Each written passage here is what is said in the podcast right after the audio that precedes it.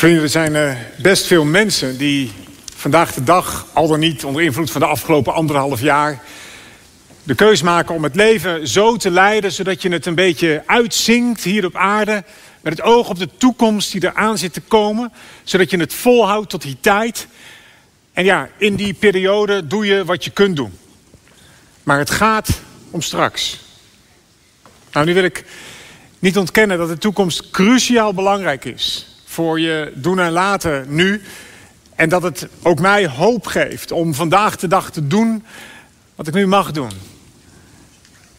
Maar het is ook wel heel erg belangrijk om te geloven dat een deel van die toekomst, dat wat God beloofd heeft, zich vandaag de dag aan het openbaren is, afspeelt.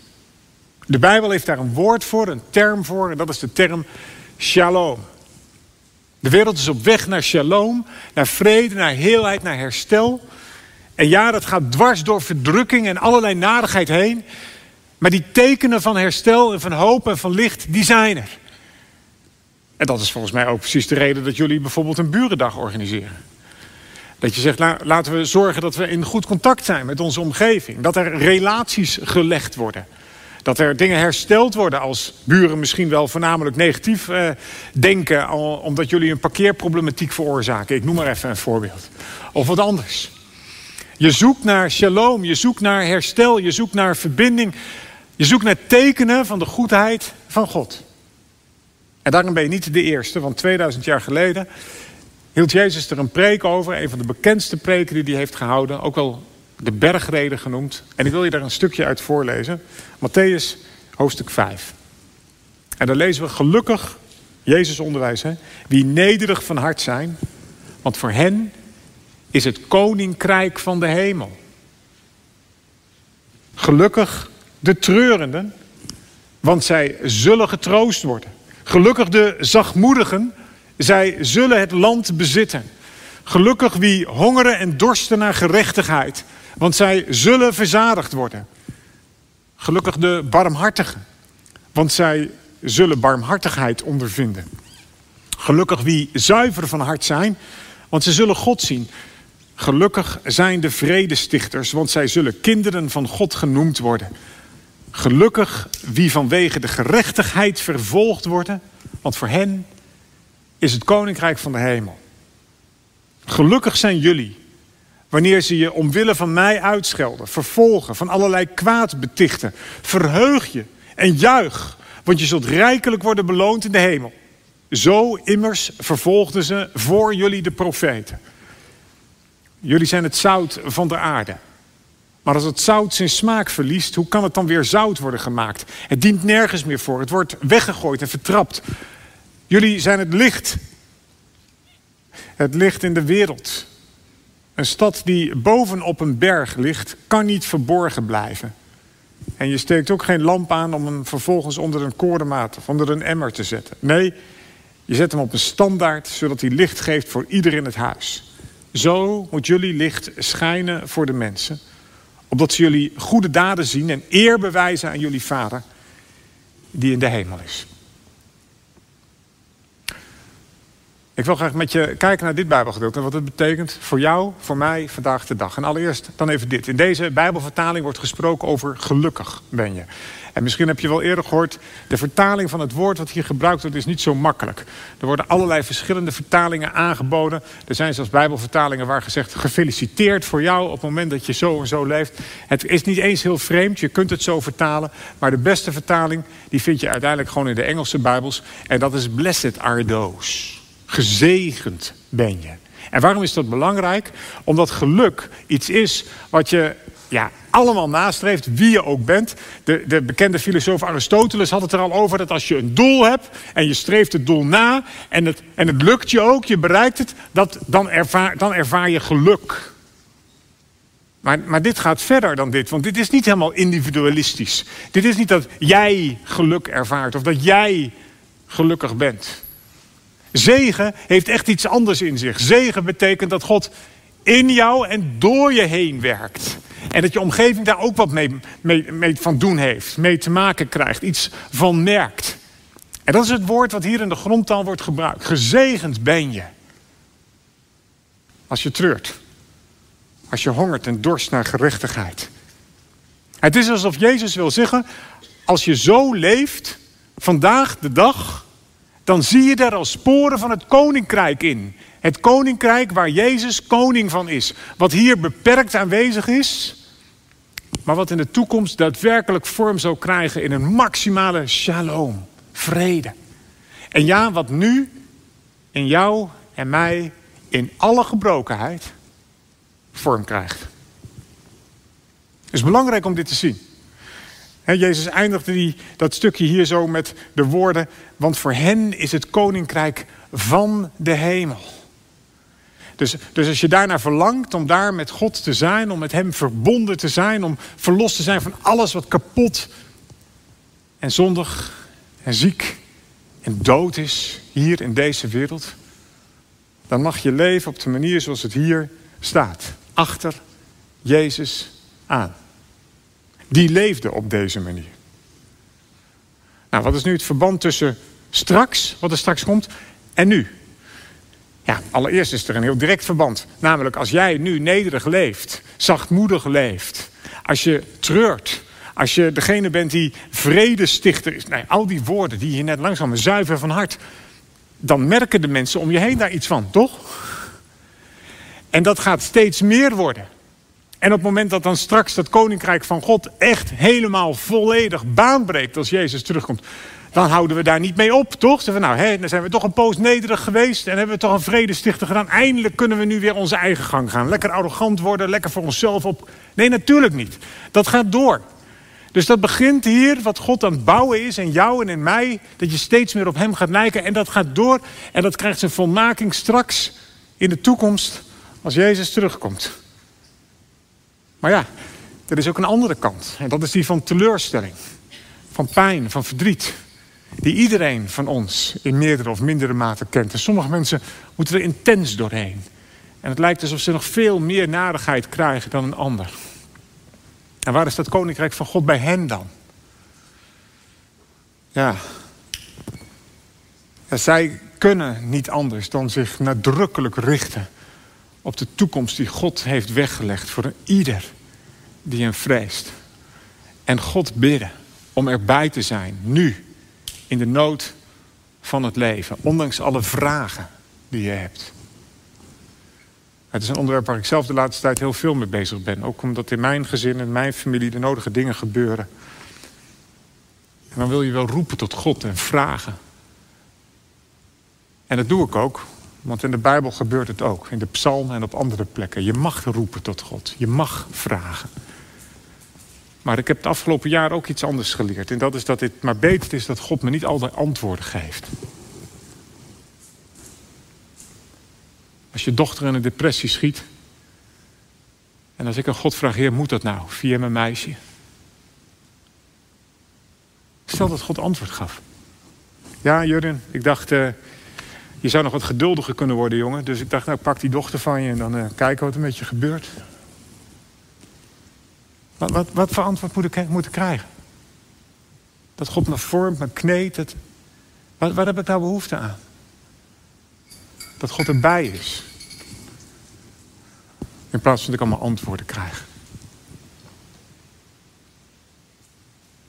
Dat God erbij is. Op de momenten dat jij het niet meer weet. Zoals in de geschiedenis van Jozef staat, die in de put gegooid wordt. Die in Pepotifar terechtkomt. Die, die onschuldig in de gevangenis belandt. En lees maar eens. Genesis 27, 8 en 9. Elke keer staat er weer. De Heere is nabij. Stel dat Jozef dat telkens bad. Zit in de put, heer, waarom? Waarom? Red me uit. Nee, jongen, je was zo trots met die mantel van je. Blijf jij even lekker zitten. Nee, nee, dat is... Wij, wij verlangen soms naar antwoorden.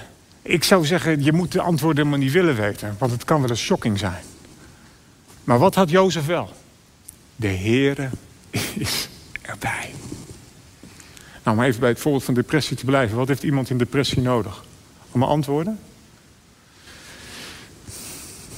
Ik hoop niet dat je het zo moeilijk moet leren als dat ik het moest leren ooit in de burn-out bij mijn vrouw. Met mijn oplossingsgerichtheid. Nou, dat was na een half jaar wel klaar. Ik hoef geen antwoorden, zei ze. En al helemaal geen oplossingen. Kom gewoon naast me zitten. Ja, dat. Wees erbij.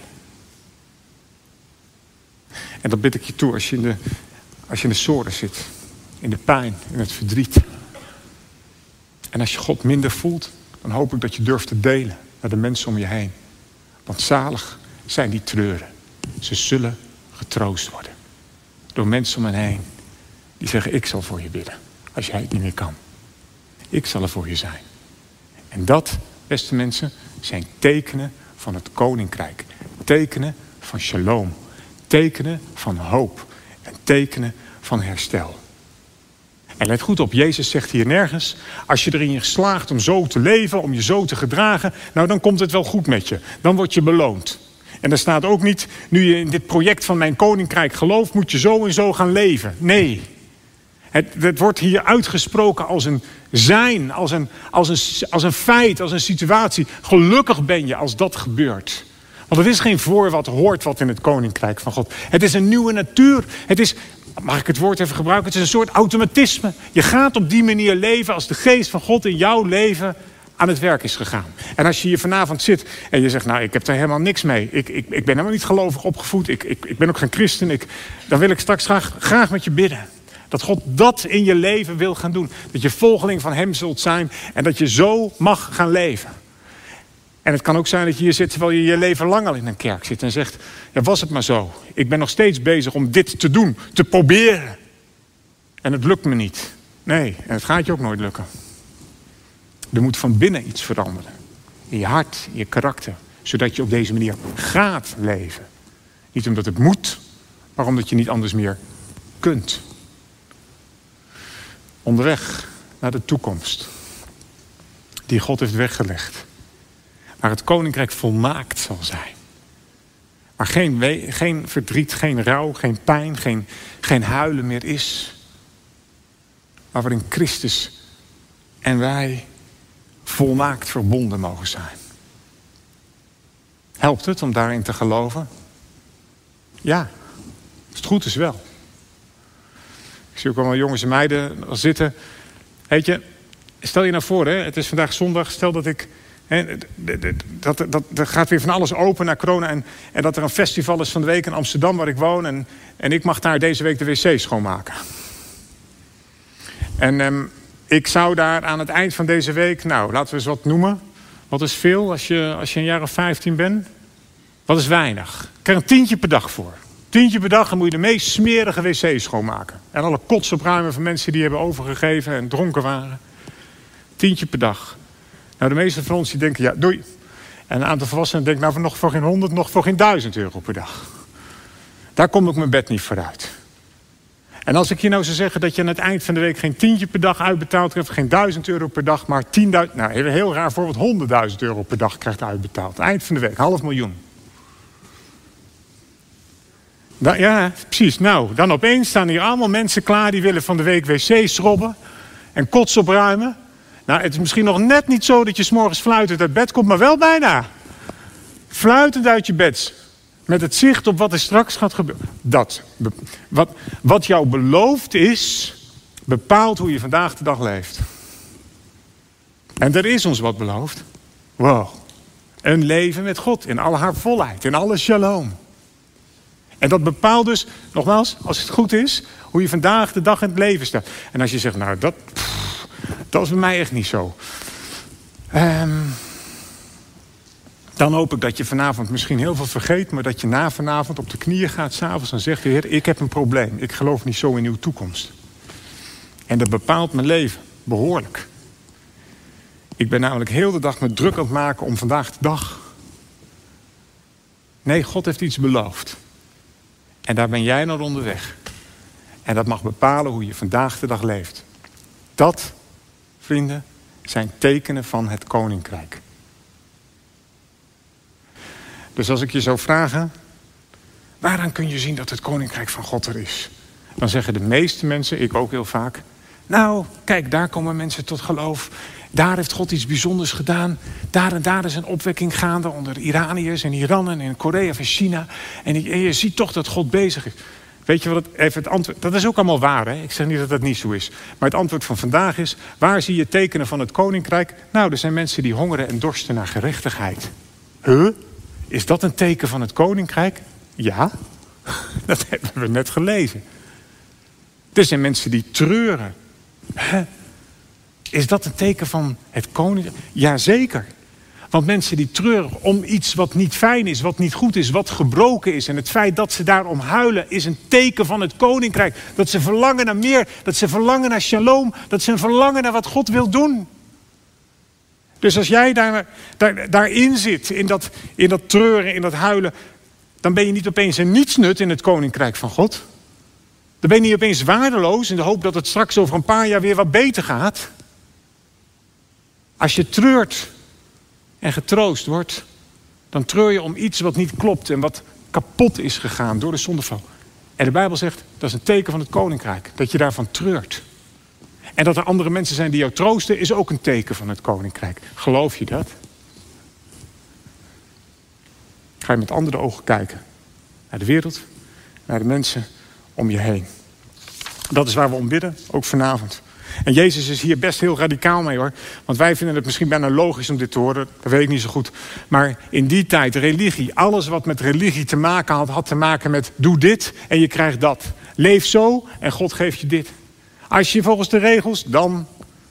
En Jezus draait het om. Die zegt, nou zo werkt dat helemaal niet, want niemand kan volgens die regels leven. Niemand kan dat via die geboden. Je hoeft niet meer af te vinken wat er allemaal goed is gegaan en wat er minder is gegaan. Ook niet bij dit lijstje.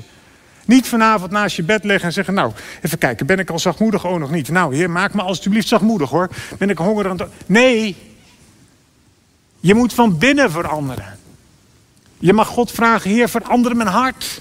Kneed het, vorm het, ook als het pijn doet. Dat het gaat lijken op het hart van u. Zodat ik ga huilen om wat er niet goed is. Zodat ik verlang naar gerechtigheid. Zodat ik zuiver van hart ben. Zodat ik vrede sticht. Het is heel fijn als je dat gisteren op de burendag hebt gedaan. Een beetje flauw voorbeeld, als je het eergisteren op je werk niet hebt gedaan, ja, sorry. Dat is geen activiteit, hè, vrede stichten. Is een houding. Is een leven. Wat we bij Jezus zien, wat jij mag ontvangen. En het kan. Als je Christus volgt. Dan word je echt en authentiek. Dat wordt heel vaak gezegd hè, vandaag. Je moet echt zijn, je moet authentiek zijn. Er heel veel mensen. Cursus, training, hoe ben ik echt? je moet Jezus volgen. Zodat je echt zult worden.